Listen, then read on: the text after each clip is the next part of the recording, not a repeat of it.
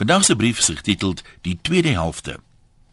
Die eerste helfte van 2014 is verby, onherroepelik.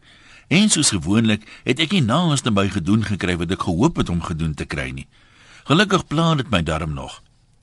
Een toe ek gister jou blog lees waar jy sê ek kan ook nog soos die leeu se rugbyspan terugveg in die tweede helfte en selfs die wedstryd wen, het ek weer moed geskep.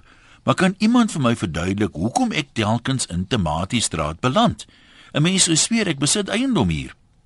Ek het al wyd gelees hieroor en op baie waarhede afgekom, maar nog nooit op 'n antwoord wat vir my alles verklaar nie. So het ek byvoorbeeld gelees hulle sê die eerste stap op die pad na verandering is ontevredenheid met jou huidige situasie. Dit maak sin.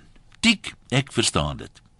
Dan sê hulle ook die definisie van waansin is om dieselfde ding oor en oor te doen en te verwag dat dit sal lei tot ander resultate. Tik, ek weet dit ook. Dis moet jy 'n wilsbesluit neem om ander dinge te doen. Dis nie genoeg om net te hoop dat ander dinge sal gebeur nie. Weer tik ek dit af want ook dit weet ek. Die meeste mense weet in hulle harte wat om te doen. Dis selde nodig om die wiel te herontwerp. Ek het ook gelees hulle sê meer mense misluk oor dinge wat hulle nie doen nie as oor dinge wat hulle nie weet nie. Jy weet mos waar jy gecheat het met jou dieet, jou oefenprogram of jou kursus. So tik dit ook af. Die ding lê in die doen. Dis hoekom jy 'n to-do lysie maak. Aksie is die wagwoord. Dit maak sin as jy jou oefenprogram moet volg, maar soms is die regte aksie om iets nie te doen nie. Jy word maarder oor die 10 terte of die 10 chocolates wat jy nie geëet het nie. Maar nou versuim ons om te gaan stap met flinke armbewegings, al is dit net om die blok. Ons sis onsself met 'n verskoning, soos dit misdaad so hoog is, jy gaan vermoor word as jy gaan stap.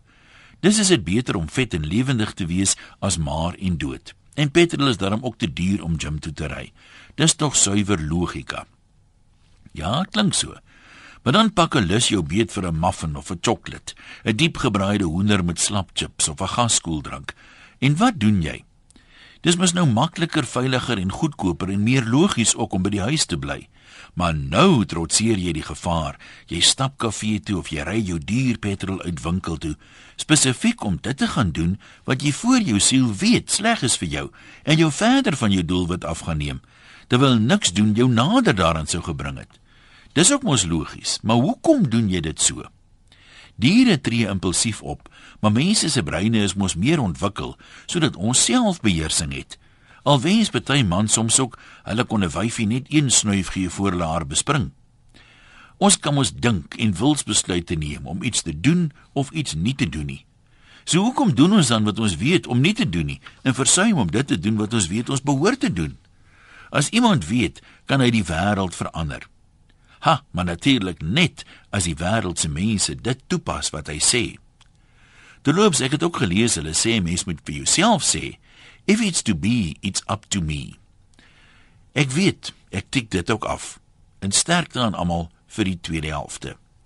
Groete van elendeling tot elendeling, anoniem.